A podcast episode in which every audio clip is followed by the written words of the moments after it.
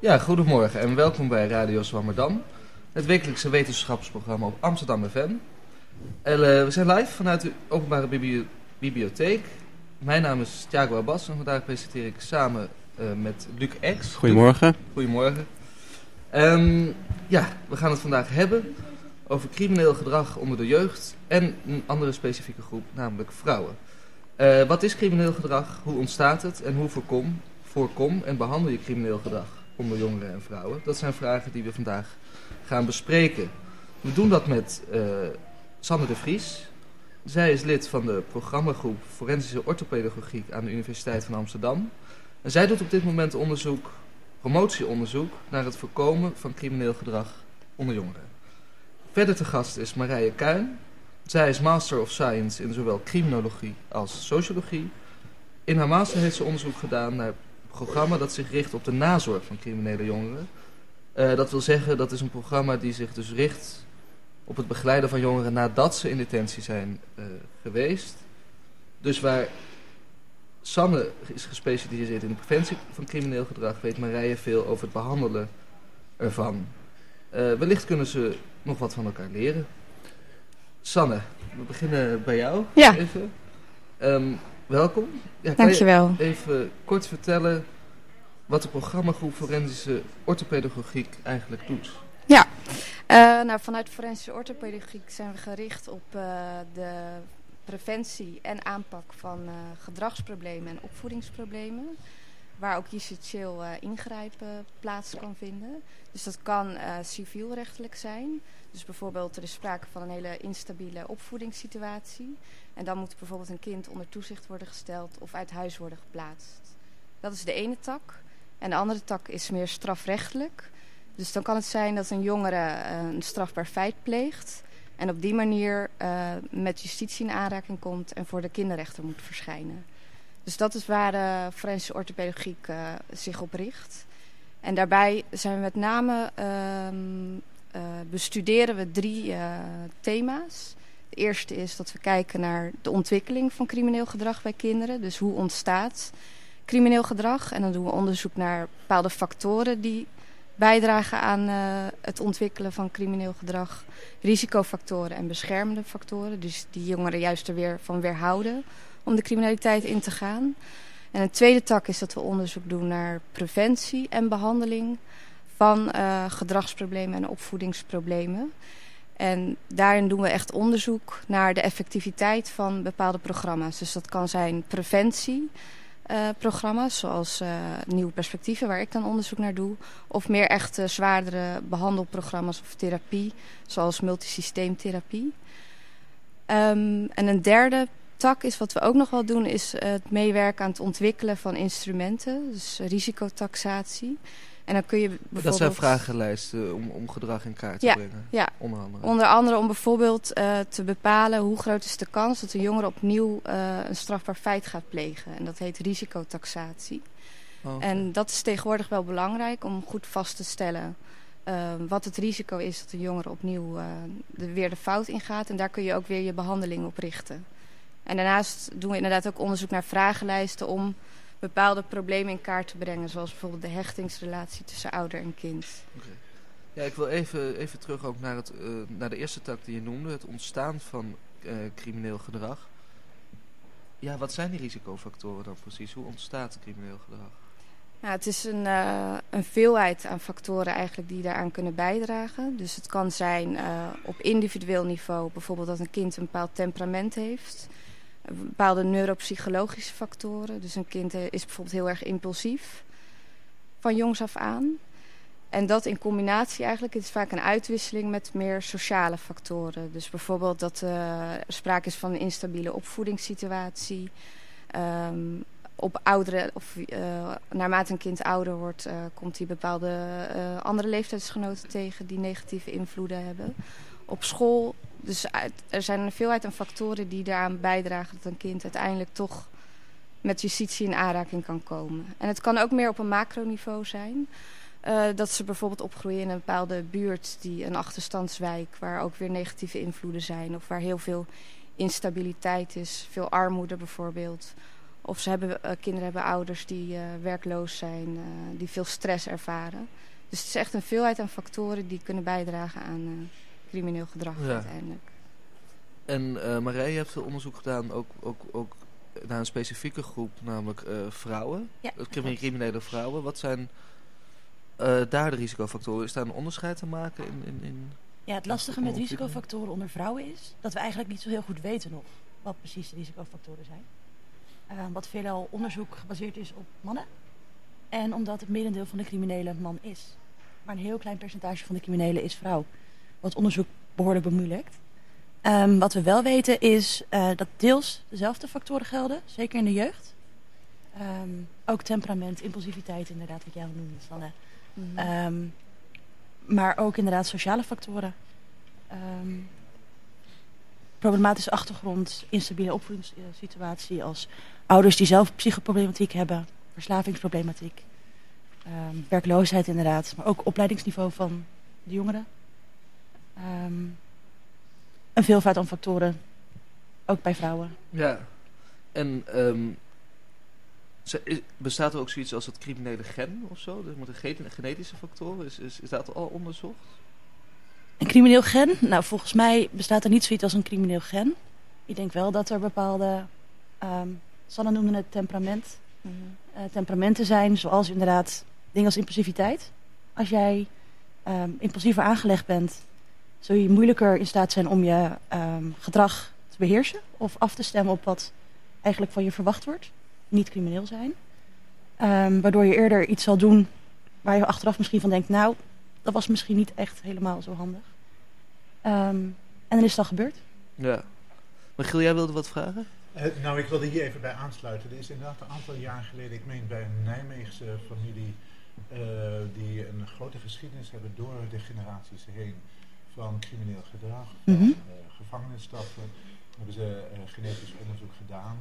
En er blijkt inderdaad een, een factor, vaak zijn het ook uh, epigenetische factoren, dus een soort laag boven de genen die te maken had met agressie-regulatie. Dus dan is het niet zo dat er een gen zit die zorgt dat je het verkeerde pad opgaat, maar dat je in, in situaties van stress eerder geweld gebruikt, dus minder controle ook van geweld. Ja. En dat heeft al een reeks van onderzoek uh, opgeleverd waar blijkt dat dit soort factoren en de impulsiviteit hoort er ook bij een rol spelen. Ja, ik ben je trouwens even vergeten voor te stellen. Uh, Michiel uh, Keestra die is, uh, zit ook aan tafel en hij is de columnist van vandaag. En zal inderdaad ook af en toe. Hij is vrij om, om te vragen en te zeggen wat hij wil vandaag. Um, goed, dan uh, dan is het eigenlijk tijd voor een liedje op dit moment. We gaan luisteren naar hoe Rihanna een meneer doodschoot op het Centraal Station. Hier is Man Down van Rihanna.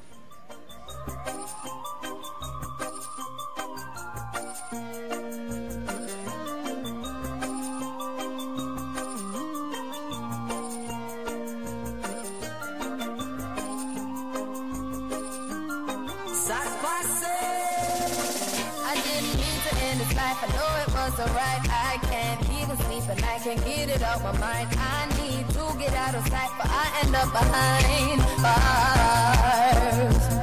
What started out as a simple altercation turns into a real sticky situation. Me just thinking on the time that I'm facing makes me wanna cry. Cause I didn't mean to hurt him.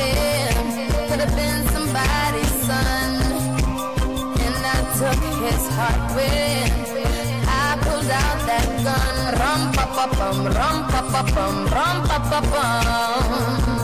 Man down, rum pa pa bum, rum pa pa bum, rum pa pa bum.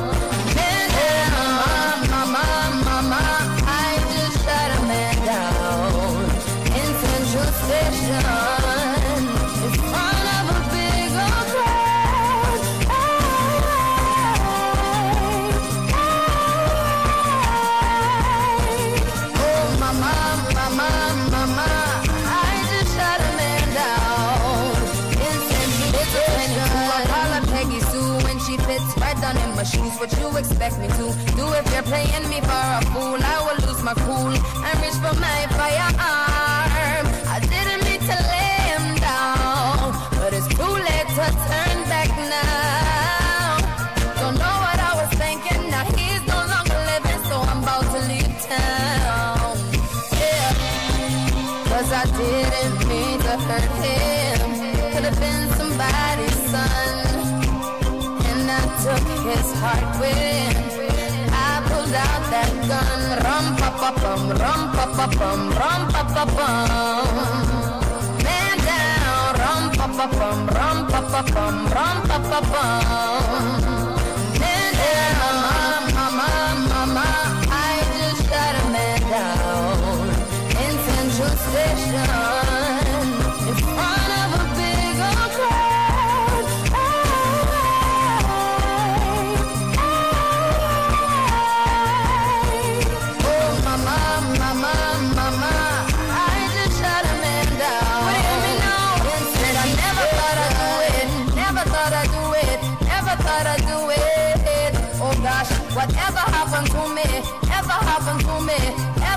Ever to me.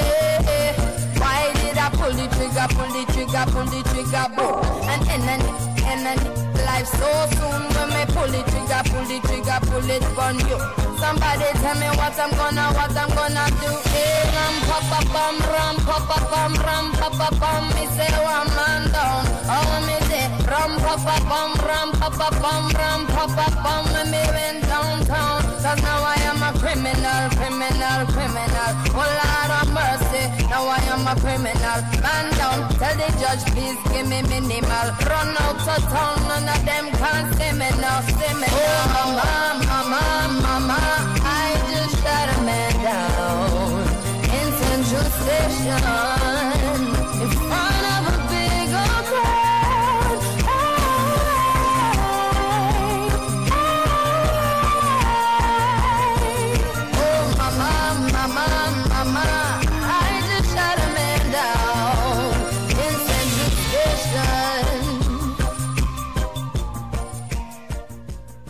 welkom terug of ehm, welkom bij Radio Swammerdam, ehm, het wetenschapsprogramma op Amsterdam FM. U luisterde net naar eh, Man Down van Rihanna. Sanne, ik heb een, eh, een vraag voor jou. We hebben net eh, het gehad over drie factoren die een rol spelen bij crimineel gedrag. Eh, het temperament, eh, bijvoorbeeld als een jongere heel impulsief is, dan kan dat leiden tot, die- tot crimineel gedrag. En sociale factoren, de omgeving, de ontwikkeling. Ja. Is er nou in het preventieprogramma iets waar jullie specifiek op richten, waarvan jullie zeggen, hier kunnen we echt wat aan doen? Ja, zeker. Ehm, het zijn denk ik met name de criminogene factoren waar je op moet richten. Wat betekent dat? Dat zijn factoren die echt gerelateerd zijn aan dus delinquent gedrag. Dus die de kans vergroten dat een jongere eh, de criminaliteit ingaat. Kun je daar een voorbeeld van noemen? Ja, dat is bijvoorbeeld eh, de vriendengroep. Eh, het hangt een beetje van de leeftijd af van de jongeren waar je je op moet richten. Dus het kan zijn bij de ene jongere die nog wat jonger is, dat de opvoedingssituatie heel erg belangrijk is. Dus als er sprake is van een, eh, een moeilijke relatie tussen ouder en kind, er zijn heel veel problemen in de communicatie. Of ouders die eh, weinig toezicht hebben op het doen en laten van een kind. Mhm. Dan is het binnen preventie heel erg belangrijk om je juist te richten op die opvoedingsfactoren. En wat gaan jullie vooral doen bij kinderen die een opvoeding hebben waarin snel crimineel gedrag ontstaat? Eh, wat je kunt doen is bijvoorbeeld ouders eh, eh, te trainen in bepaalde vaardigheden. Dus het, echt het leren opvoeden van kinderen. En dan gaat het om bijvoorbeeld dat ze leren hoe ze gewenst gedrag bij kinderen moeten beïnvloeden. Dus bijvoorbeeld om, door een kind te belonen. En hoe ze ongewenst gedrag proberen zo, zo min mogelijk of, of te voorkomen. Dus bijvoorbeeld door een time-out in te zetten. Dus het zijn hele specifieke technieken eigenlijk die ouders krijgen aangeleerd in zo'n ehm, trainingsprogramma. Oké, dus gaat- je- begint ja. eigenlijk al bij de ouders om bij het kind te voorkomen dat ze crimineel gedrag Ja. vertonen. Ja, daar ligt toch vaak wel eh, een basis in, de, in de, het opvoedingsgedrag van ouders. Vaak is er toch een instabiele situatie waar kinderen in opgroeien. En dat heeft ook wel eh, dat heeft met ehm, de ouders te maken. Ook wel de achtergrond bijvoorbeeld van ouders. Dus dat, dat ze zelf psychische problemen kunnen hebben. Of dat ze zelf eh, al de criminaliteit in zijn gegaan. Dus dat ze ook een verkeerd voorbeeld kunnen zijn. En willen alle ouders daaraan meedoen? Dat is vaak wel eh, lastig, omdat juist bij die ouders ook de motivatie bijvoorbeeld ontbreekt. Het is moeilijk juist om de ouders te bereiken om eh, mee te werken aan dit soort programma's. En kan je ze dat afdwingen of moeten ze gewoon vrijwillig meedoen?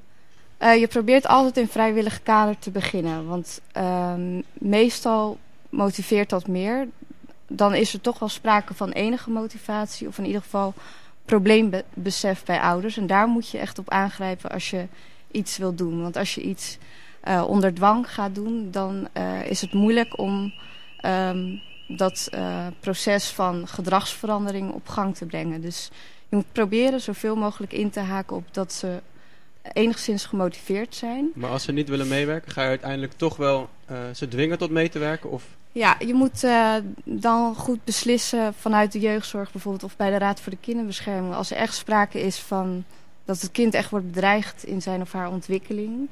Eh, ze hebben al heel veel verschillende soorten vrijwillige hulp geprobeerd, maar dat heeft allemaal niks uitgehaald. Waarom dan niet? komt er een punt de vrijwillige hulp haalt dus niks uit. Dat kan zijn. Dat, eh, dat blijkbaar toch eh, niet aankomt bij ouders of bij het kind. eh, de, de therapie die tot dan toe is ingezet. En dan is het van belang dat je ja, toch probeert meer vanuit een, een dwangkader in te grijpen als overheid. Dan heb je als overheid de verantwoordelijkheid in te grijpen, juist om het belang van het kind zoveel mogelijk te waarborgen. Oké, en jij doet onderzoek naar verschillende preventieprogramma's. Eh, Ja. zijn er eigenlijk heel veel verschillende soorten preventieprogramma's? Ja, zeker. Vooral in Nederland. Ehm, we hebben een databank voor het Nederlands, eh, van het Nederlands Jeugdinstituut. En eh, daarin zijn 217 eh, interventies opgenomen, heb ik nog laatst gezien. Oké. En we weten eigenlijk van die eh, 217 interventies dat er vier eh, interventies bewezen effectief zijn. Dus Vier van de 217? Vier. Dat Ja. is bijna niks. Dat is echt heel weinig. Dus dat, dat? is. Ja, in Nederland zijn we heel goed in het ehm, in- initiatieven nemen om een nieuwe aanpak te bedenken. Dus in de jeugdzorg hebben we gewoon heel veel verschillende soorten hulp. Met de beste intenties natuurlijk. Maar waarvan we dus heel erg weinig weten of het überhaupt eh, werkt bij deze jongeren en gezinnen. Er is nog heel weinig eh, rigoureus onderzoek gedaan.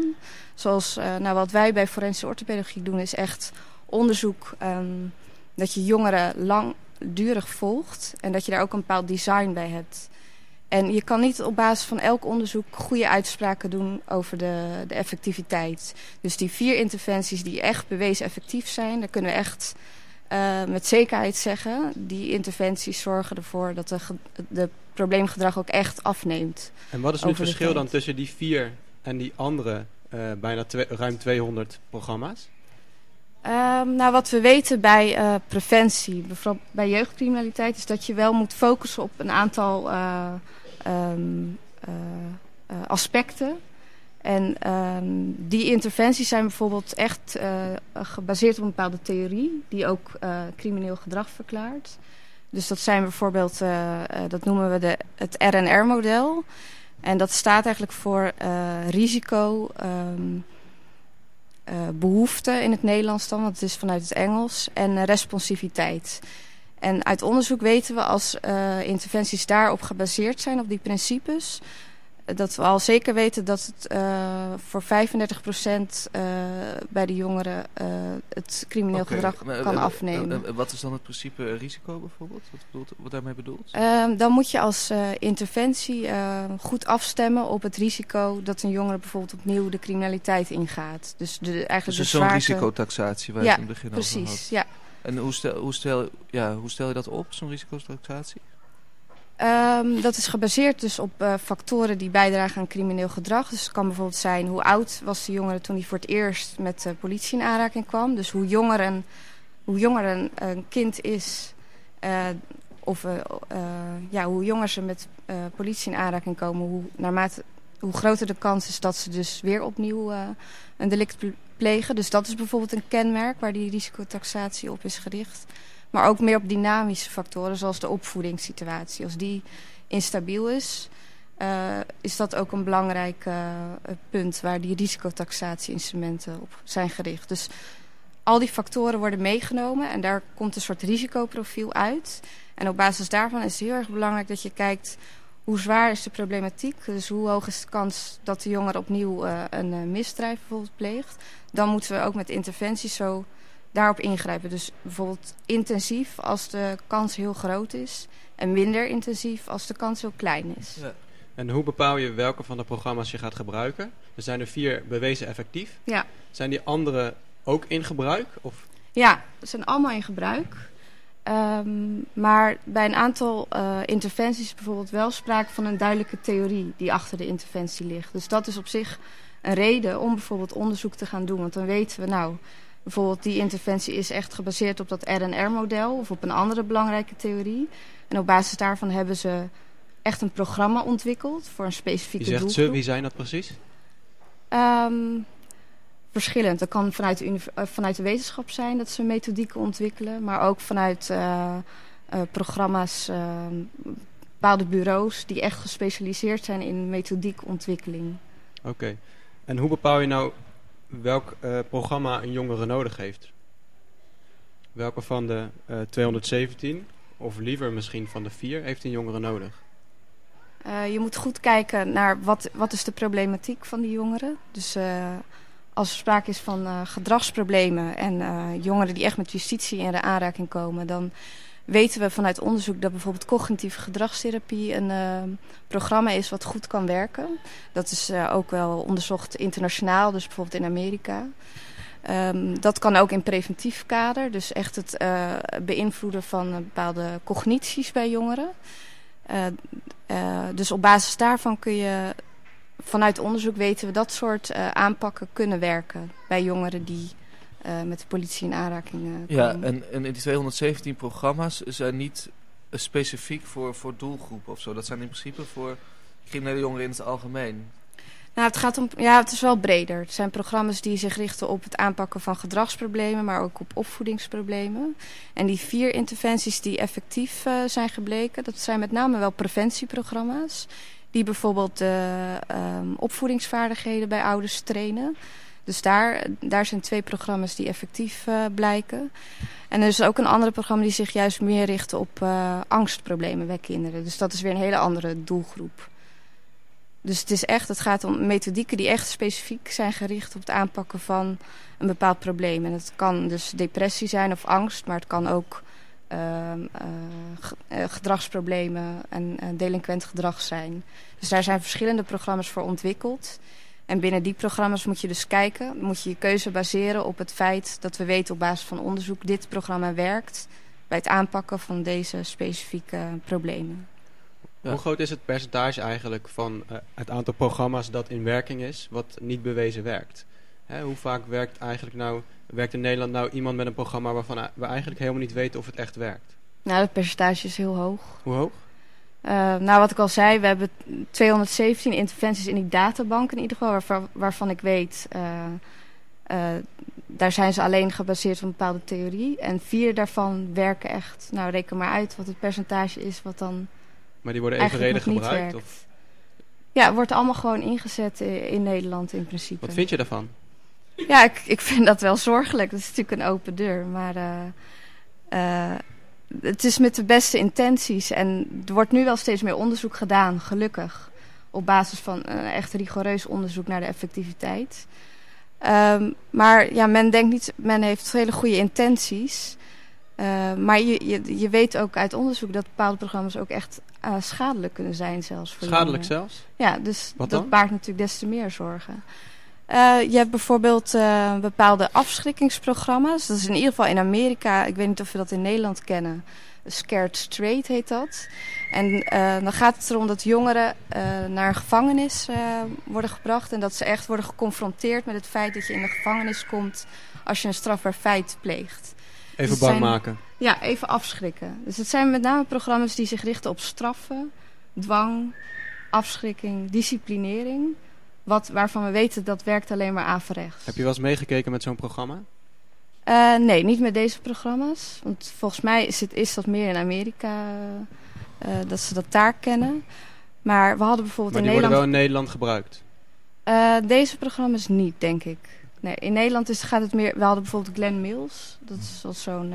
Wat is dat? Dat is, was een soort heropvoedingskamp eigenlijk voor jongeren. En daar ging het met name om disciplinering. En eh, dat is nu afgeschaft, dat programma. Maar dat is in het begin heel erg ehm, gepromoot, bijvoorbeeld vanuit de politiek. Van dat, is, eh, dat is goed voor eh, jongeren. Maar dat is dus, blijkt niet de beste aanpak. Ja, over dit debat en, en wat wel de beste aanpak is, daar gaan we het later nog over hebben in ons eindgesprek. Maar nu is het nog even tijd voor een liedje, namelijk The Roof is on Fire van The Bloodhound Gang.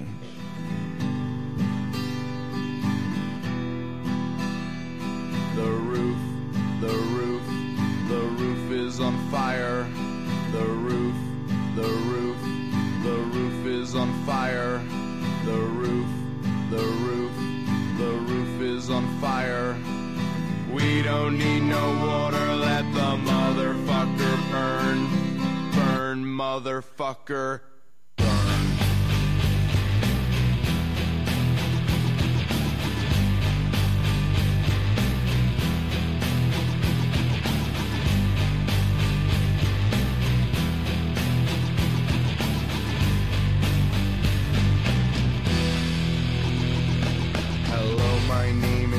Is Jimmy Pop and I'm a dumb white guy. I'm not old or new, but middle school, fifth grade, like junior high. I don't know, mofo, if y'all peeps be bugging, giving props to my hoe, cause she fly, but I can take the heat, cause I'm the other white meat known as Kid Funky Fried. Yeah, I'm hung like planet Pluto, hard to see with a naked eye, but if I crashed into Uranus, I would stick it where the sun don't shine, cause I'm kind of like Han Solo, always stroking my own Wookiee. I'm the root of all that's evil, yeah, but you can call me Cookie. The roof, the roof, the roof is on fire. The roof, the roof, the roof is on fire.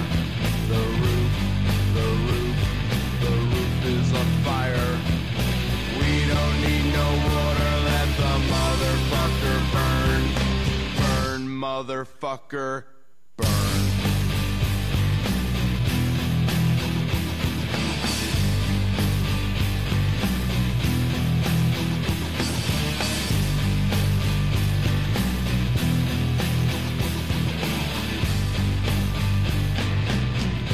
Yo, yo, ghetto gangster image takes a lot of practice. I'm not black like Barry White, no, I am white like Frank Black is. So if man is five and the devil is six, then that must make me seven. This hockey's gone to heaven, but if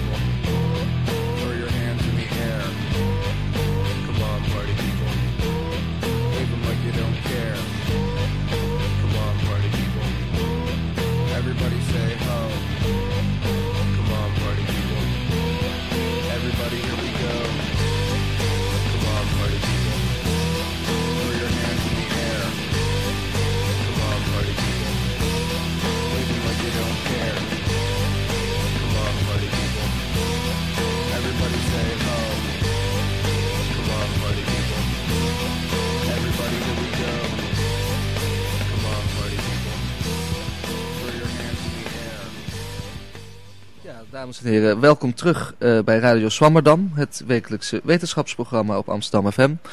Ehm, we hebben het vandaag over criminele jongeren en crimineel gedrag. Ehm, en we gaan het nu hebben over crimineel gedrag bij vrouwen. En hoe zich dat daar ontwikkelt. Daar heeft Marije Kuin een eh, masterthese over geschreven. Eh, Marije, kan je kort vertellen wat de hoofdvraag was van je masterthese? Ik heb onderzoek gedaan naar het beginnen van criminaliteit onder vrouwen. ehm, en welke risicofactoren daaraan bijdragen.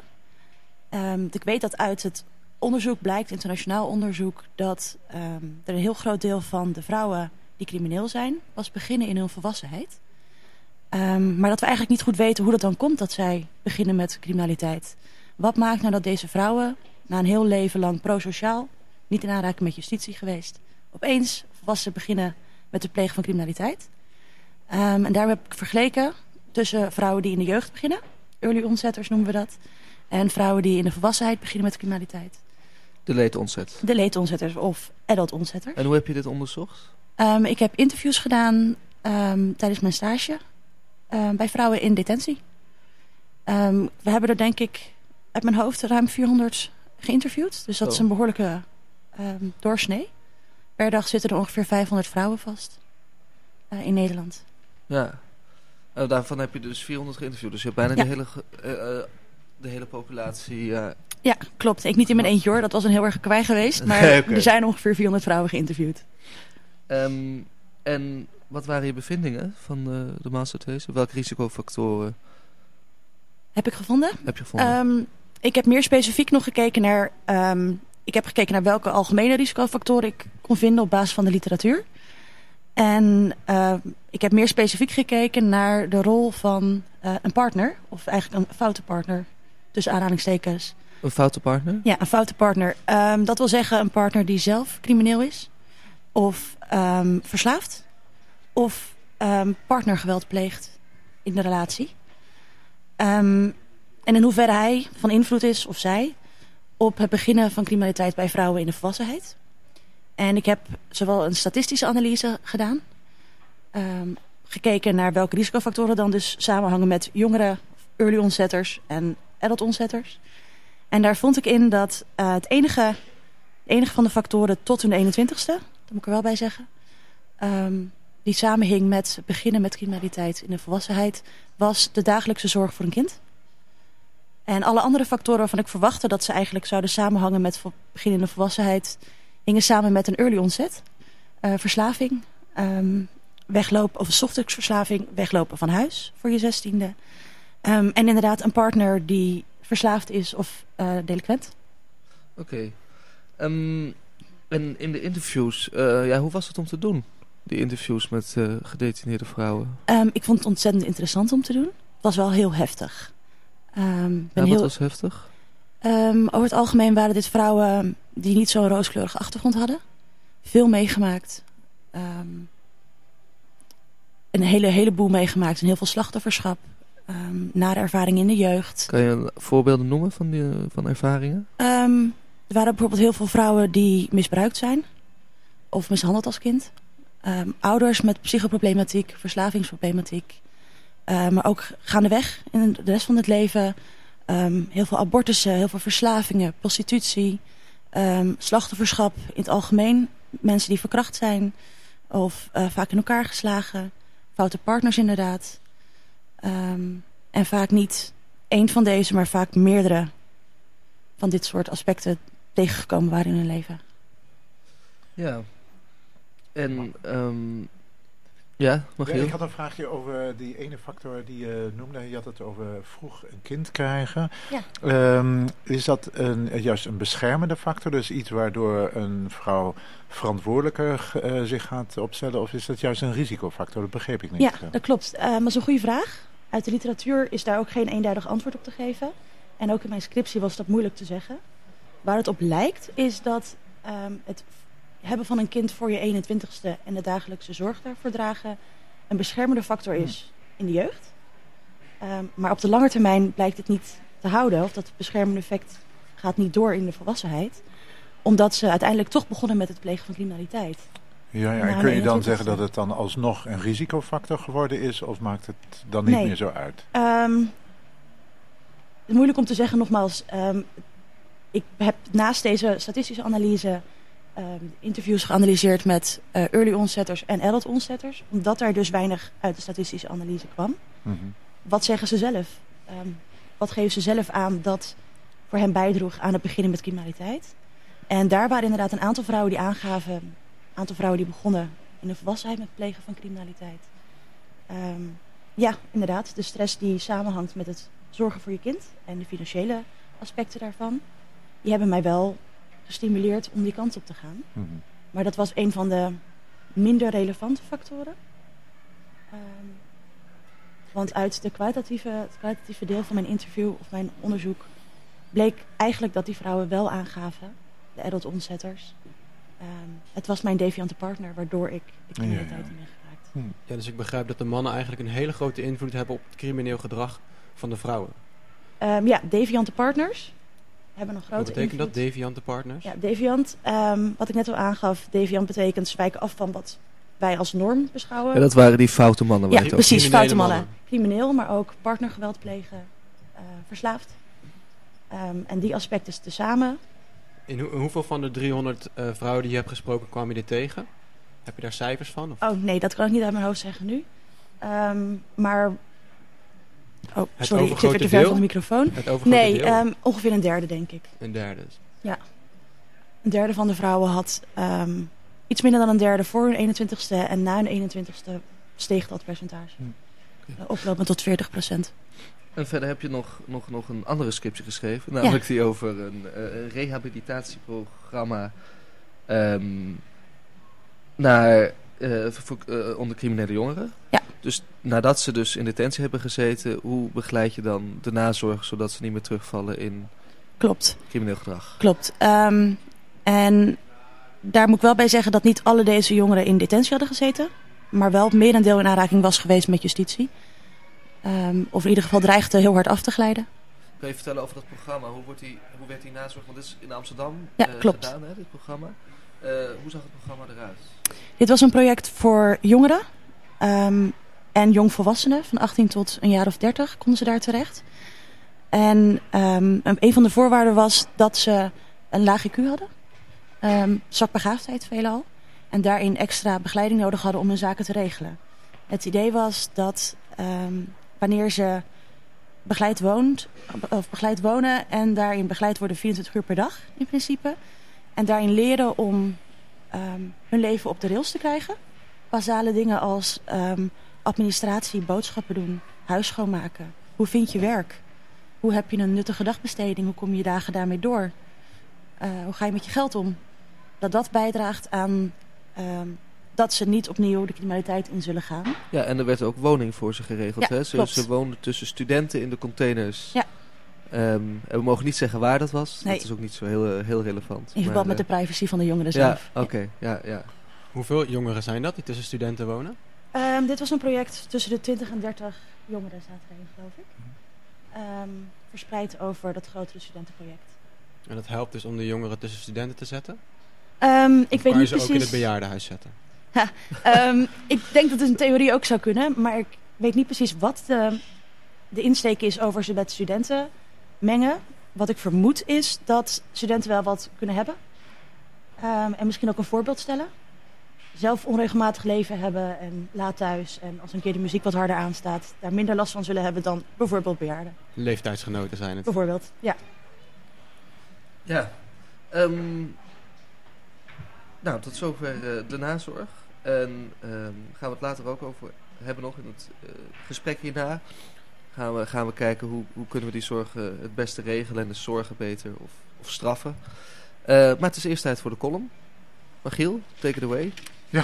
Ik eh, ga het over een wat andere gevangenisstraf hebben.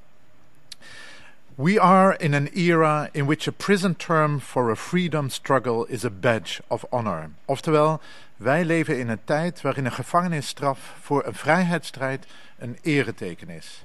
Dat schreef Martin Luther King in 1960, wanneer hij weer voor de zoveelste keer wordt gevangen genomen en mogelijk een straf van 10 jaar krijgt wegens zijn geweldloze verzet en acties voor de gelijke burgerrechten van de Afro-Amerikanen in de Verenigde Staten.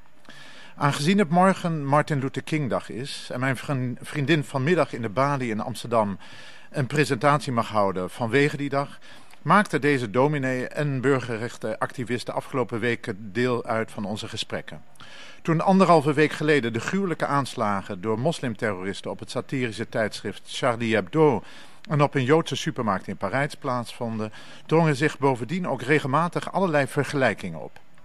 Ik noem er een aantal om tenslotte ook weer bij de rol van de gevangenisstraf uit te komen. Een wat andere gevangenisstraf dan uh, uh, Sanne en Marije behandelen. Laat ik beginnen bij de rol van religie, die in de aanslagen door de moslim-extremisten zo belangrijk lijkt te zijn en tot een golf van kritiek op de islam geleid hebben, binnen en buiten de parlementen in Europa. Die kritiek komt er veelal op neer dat de islam een godsdienst zou zijn die intrinsiek gewelddadig is en geen vredelievende samenleving met andere groepen, niet-moslims, zou kunnen opleveren. Het voorbeeld van dominee Martin Luther King laat zien hoe simplistisch een dergelijke religiekritiek is. Hij wijst er herhaaldelijk op dat hij geïnspireerd wordt door dezelfde God en dezelfde Bijbel, die ook voor zijn tegenstanders van belang lijken te zijn. Hij is dan ook op zoek naar manieren om hen ervan te overtuigen dat zij uiteindelijk dezelfde doelen voor ogen moeten hebben als hij. Maar King realiseert zich dat de religie dus evenzeer groepen kan verdelen als dat religie groepen juist kan samenbrengen. En ook al zien veel mensen nog niet voor zich hoe deze gedeelde godsdienst een ruimere en andere interpretatie toe kan laten dan zij er zelf op nahouden, de geschiedenis geeft vele voorbeelden van de transformatie die godsdiensten door kunnen maken. Ik ben er zelf dan ook ten stelligste van overtuigd dat ook de islam de potentie heeft om zo'n transformatie door te maken. Een tweede opmerkelijke karakteristiek van Martin Luther King vind ik hoe hij zijn leiderschap gebruikt om zijn achterban te motiveren en te inspireren. Niet alleen ten behoeve van de gezamenlijke strijd voor de gelijke burgerrechten, maar ook om de ogen naar buiten te blijven richten. Hij heeft er oog voor dat mensen met goede bedoelingen maar al te snel de mentale ruimte verliezen om nog aan andere doelen te denken, om zich te realiseren dat er andere groepen zijn die hun bijstand nodig hebben. Die zelfrelativering, die soms tot zelfspot kan leiden, is belangrijk om te voorkomen dat een beweging, hoe nobel haar doelen ook zijn, tot een starre en ideologisch inflexibele beweging verwordt en geen oog meer heeft voor de positie van tegenstanders of voor andere groepen. Toen dominee King een bliksembezoek aan Nederland bracht op 15 augustus 1964 om in de RAI te spreken op een baptistenconferentie, toen sprak hij daar onder andere over het feit dat de negers, een term die hij zelf en het, ook het Polygoon-journaal, waarvan we zometeen een fragment zullen horen, gebruikte, dat de negers niet de enige christenen zijn die steun nodig hebben in hun strijd om rechtvaardigheid. Dat dominee King kwam bijwonen was dat van de Europese Baptistenfederatie. In het volle RAI-gebouw dat hem bijzonder hartelijk ontving, pleitte hij voor een christendom dat zich niet alleen bezighoudt met het rassenvraagstuk. Want, zo zei hij, negers zijn niet de enige christenen die in nood verkeren. Ten slotte wil ik weer terugkomen op de geweldloze actie die King voorstond en vele gevangenisstraffen die hij en zijn soms wel honderden medestanders daardoor opgelicht kregen. Hij beschrijft hoe er vier stappen zijn in een geweldloze campagne. Ten eerste, verzameling van feiten om vast te stellen of ergens inderdaad onrechtvaardigheid bestaat. Ten tweede, onderhandelingen. Ten derde, zelfreiniging. Ten vierde, directe geweldloze actie. Ik wil het hier met name over de derde stap, die, die van de zelfreiniging of self-purification hebben. Die zelfreiniging blijkt onder andere uit allerlei workshops te bestaan waarin geweldloze acties worden geoefend, discussies worden voorbereid, maar waarin ook aan de deelnemers werd gevraagd of zij in staat zijn om klappen te ontvangen zonder terug te slaan en of zij in staat zijn om de beproeving van de gevangenis te, onder, te ondergaan. Are you able to endure the ordeal of jail? is de vraag die Martin Luther King hen stelt. Ik denk dat die zelfreiniging mede heeft bijgedragen aan het succes van de acties. Daarmee bedoel ik dat het grote publiek in de Verenigde Staten en daarbuiten uiteindelijk zo onder de indruk raakte van het feit dat zo'n grote groep medeburgers bereid waren om zich met honderden gelijk te laten opsluiten vanwege hun overtuigingen en doelen, dat dit publiek zich hier in steeds grotere getalen achter is gaan scharen. De kans dat de burgerrechtenbeweging eenzelfde resonantie bij dat grote publiek had gekregen als zij geweld en terreur gebruikt had, lijkt mij klein. De zelfreiniging van de activisten heeft er waarschijnlijk mede aan bijgedragen dat ook die buitenwereld moest erkennen dat deze activisten niet besmet waren door extremisme, door eenzijdig radicalisme, door haat tegen hun tegenstanders. En dat die buitenwereld er dus niet omheen kon om respect te hebben voor de activisten.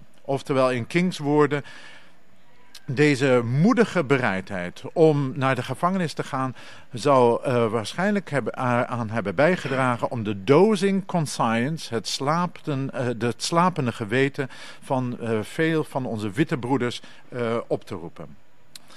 Laten we dus vandaag en morgen stilstaan en wat hoop en inspiratie putten uit het voorbeeld van Martin Luther King. Die heeft laten zien hoe religie en geweldloze acties samen kunnen gaan en echt kunnen bijdragen aan een betere wereld. And I've got 25 minutes to go. And the whole town's waiting just to hear me yell.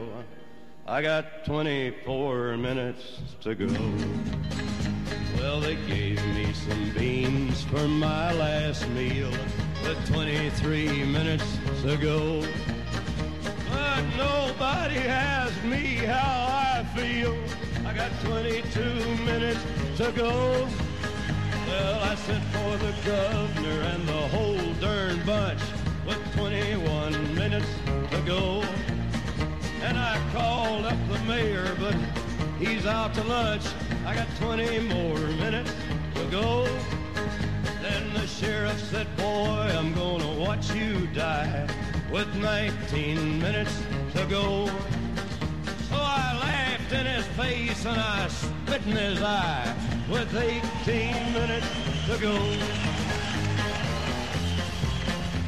Now here comes a preacher for to save my soul with 13 minutes to go. And he's talking about burning, but I'm so cold. 12 more minutes to go. Well, they're testing the trap, and it chills my spine. 11 more minutes to go. And the trap and the rope, all they work just fine. 10 more minutes to go. Well, I'm waiting for the pardon that'll set me free with nine more minutes to go. But this ain't the movie, so forget about me. Eight more minutes to go. With my feet on the trap and my head in the news. Five more minutes to go. Won't somebody come and cut me loose? Seven more minutes to go. I can see the mountains, I can see the sky with three more minutes to go. And it's too darn pretty for a man to want to die. With two more minutes to go. I can see the buzzards, I can hear the crows. Ja, welkom terug bij Radio Swammerdam, het wetenschapsprogramma op de zondagochtend op Amsterdam FM. Um, ja, in de, in de, tijdens het liedje uh, raakten we wel een beetje in gesprek over wat is nou verstandiger, straffen of, um, of behandelen. En zeker met de aanslagen uh, op Parijs afgelopen week, of stel weer twee weken geleden, um, waarin uh, Ivo Opstelten vrij gauw uh, reageerde met we moeten strenger optreden, de, de politie moet mitrailleurs hebben. Um, ja, de vraag is, is dat verstandig, dit beleid van uh, Opstelten, door harder te, aan te pakken? Zal ik reageren ja, als ja, eerst? dat is goed. Uh, nou, volgens mij moeten we vooral in het oog houden dat het gaat om jongeren die nog in ontwikkeling zijn. Ten eerste weten we ook uit onderzoek dat uh, 60% van de jongeren die een gevangenisstraf hebben gehad opnieuw weer een delict gaan plegen. Dus we weten gewoon dat straffen geen zin heeft. Uh, je moet natuurlijk wel een soort signaal afgeven, want uh, een jongere die een uh, regel overtreedt moet ook weten dat dat niet kan in de maatschappij. Dus het is ook een, een veiligheidsaspect. We moeten de maatschappij ook beschermen, maar we moeten zeker ook jongeren beschermen. En het feit dat ze nog in ontwikkeling zijn en vaak ook wel de wat zwaardere jongeren, zeg maar, die hebben ook psychische problemen. Hebben bijvoorbeeld een laag niveau van moreel redeneren of een, een, een verstandelijke beperking. Dus dat maakt dat je juist ook de nadruk moet leggen op behandeling, wat mij betreft. bij jongeren. En Marije, zie je dat ook zo? Ja, daar sluit ik mij bij aan. Ik ben een groot voorstander van veiligheidsdiensten. Ik denk dat het belangrijk is dat we die hebben en dat die goed hun werk doen. Maar ik denk dat we ons ook moeten realiseren dat niet alles te voorkomen is. Ehm, we willen niet in een samenleving leven, althans ik niet, waarin de overheid en veiligheidsdiensten elke stap na kunnen gaan waar jij bent, wat je doet ehm, en wat je denkt daarin. En mogelijk dus radicaliseert. Ehm, ik denk wel dat het belangrijk is dat we eh, veiligheidsdiensten hebben die dus zo goed mogelijk hun werk doen binnen de geldende kaders, wettelijke kaders die we nu hebben. Ehm, en daarnaast denk ik inderdaad, ik sluit me aan bij Sanne, dat het heel belangrijk is, zeker wanneer het jongere daders betreft. En ook om te voorkomen dat er andere jongere daders opstaan, dat er behandeld wordt en dat er ook gekeken wordt naar de context, preventief. Magiel, je had een aanvulling hierop? Ja, ik denk, eh, ik sluit me aan bij wat de dames eh, zeiden, dat we ook met een volumeprobleem te maken hebben. Dat we, eh, er zitten een aantal eh, van de jongeren plegen aanslagen. Dan is er een grote groep die al eh, in die eh, tussenfase zit. Maar er zijn natuurlijk nog veel grotere groepen die uitzichtsloos eh, eh, bestaan hebben wat betreft werk bijvoorbeeld, eh, sociaal-economische perspectieven waar jullie het al over, over hadden. En dat je ook daarvoor echt pro- preventieprogramma's Ja, dat nodig denk hebt. ook. Extra inzet van Ja. scholing, van stages en dergelijke. Ja. Ja, dat is misschien een goede ontwikkeling nu, is dat de gemeente de regie over de jeugdzorg krijgt. Dus eh, de transitie van de jeugdzorg, die is in eh, deze maand gestart. En dat houdt wel in dat er meer aandacht is voor preventie. Dus er komen buurtteams. Dus eh, de zorg wordt dichter bij de gezinnen en de jongeren georganiseerd. Ik denk dat dat een heel positief aspect is. En dat we met name om te voorkomen dat jongeren meer isoleren. Dus van, eh, van school. Dus dat ze uitvallen op school en minder binding hebben met al die instanties in onze maatschappij. Dat je er vooral moet zorgen dat je ze er altijd bij blijft betrekken. Dus ook bij radicaliserende jongeren, dat je ze dus niet isoleert, maar echt in gesprek blijft. En dat is vooral in een preventief kader, denk ik, eh, wat gedaan kan worden. Dus dat is eigenlijk nog voordat je echt eh, aan een behandeling begint, zo, zo vroeg mogelijk eh, beginnen. Ja, en toch is er ook al heel veel kritiek hè, op, de, op, de, op de invoering van de jeugdzorgwet. Bijvoorbeeld dat het te snel zou gaan, Ja, zeker. heb ik gelezen. Ja, ja het is eh, in eh, sneltrein gegaan dat eh, de gemeente krijgt niet alleen de regie over de jeugdzorg, maar ook over het participatiebeleid, dus werk en bijstand bijvoorbeeld. En ze hebben in korte tijd heel veel dingen moeten reorganiseren om met alle instanties in gesprek te gaan en nieuwe zorgcontracten af te sluiten, omdat het allemaal opnieuw eh, moest gebeuren met een nieuw budget. De gemeente moet ook nog 15% bezuinigen op jeugdzorg. Dus dat maakt dat ze echt in sneltrein heel veel eh, dingen weer hebben verzonnen. Dus het is weer eh, heel veel experimenteergedrag geweest.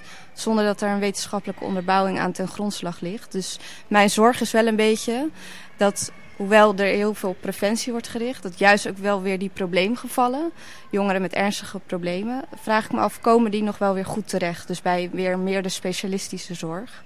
En die buurteams, dat is vaak per gemeente weer heel erg afhankelijk van wat voor mensen zitten erin. Zijn die deskundig genoeg? Om vooral de complexe gevallen op een goede manier door te verwijzen. Ja, want dat eh, behoort inderdaad tot, de- tot de invoering. Hè. Die transitie is onder andere dat, je, dat de buurtteams komen met een regisseur. Klopt. Die Ja. helemaal ingrijpen, ja, de jongeren en de buurt in de gaten houden. Ja, ja.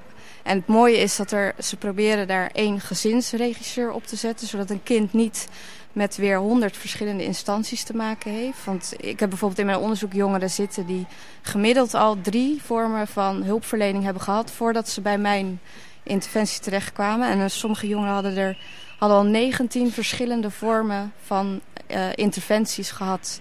Dus dan kun je al rekenen dat zijn 100 verschillende hulpverleners en instanties die dan in beeld komen. Dus om dat te voorkomen hebben ze nu één eh, gezinsregisseur. Maar het is een beetje de vraag of dat in de praktijk gaat werken. Omdat je in de jeugdzorg toch veel eh, doorlopen hebt van eh, professionals. En eh, dat het gewoon heel lastig is om dat goed te organiseren. Sanne, zie jij het eigenlijk verbeteren of verslechteren? Dat is wel een moeilijke vraag. Ik denk dat, het, dat we dat nog over een aantal jaar pas kunnen zeggen of deze transitie goed uitpakt of niet. Want er zitten echt positieve aspecten aan. Maar de zorg is een beetje dat het heel snel is gegaan. En dat ik me afvraag of de gemeente ook voldoende oog heeft voor bijvoorbeeld onderzoek naar effectieviteit van de interventies. Nou, misschien kunnen we je dan nog een keer uitnodigen Ja. om het uit te leggen. Precies. Het, eh, Ja, we zijn, het zit erop. De tijd eh, zit erop. Eh, we zullen zien eh, wat, wat onze, de, die transitie ons brengt. En wellicht is het over een paar jaar weer tijd om dat te evalueren. Ehm, ik bedank hier bij mijn gasten, Marije Kuin en Sander de Vries. Ik bedank de columnist Michiel Keestra vandaag. En ik bedank mijn medepresentator Luc X. Ehm, volgende week gaat Sterren het hebben over ehm, ehm, meisjes en Shevolution. Ehm wat dat precies betekent, daar komen we volgende week achter. Er is hier plaats nog eh, volgende week op de tribune. Kunt u komen luisteren, kunt u live meekijken hoe het eraan toe gaat. Het programma gemaakt wordt. Eh, ook op Twitter en op Facebook kunt u aanschuiven. Dan kunt u zoeken op Radio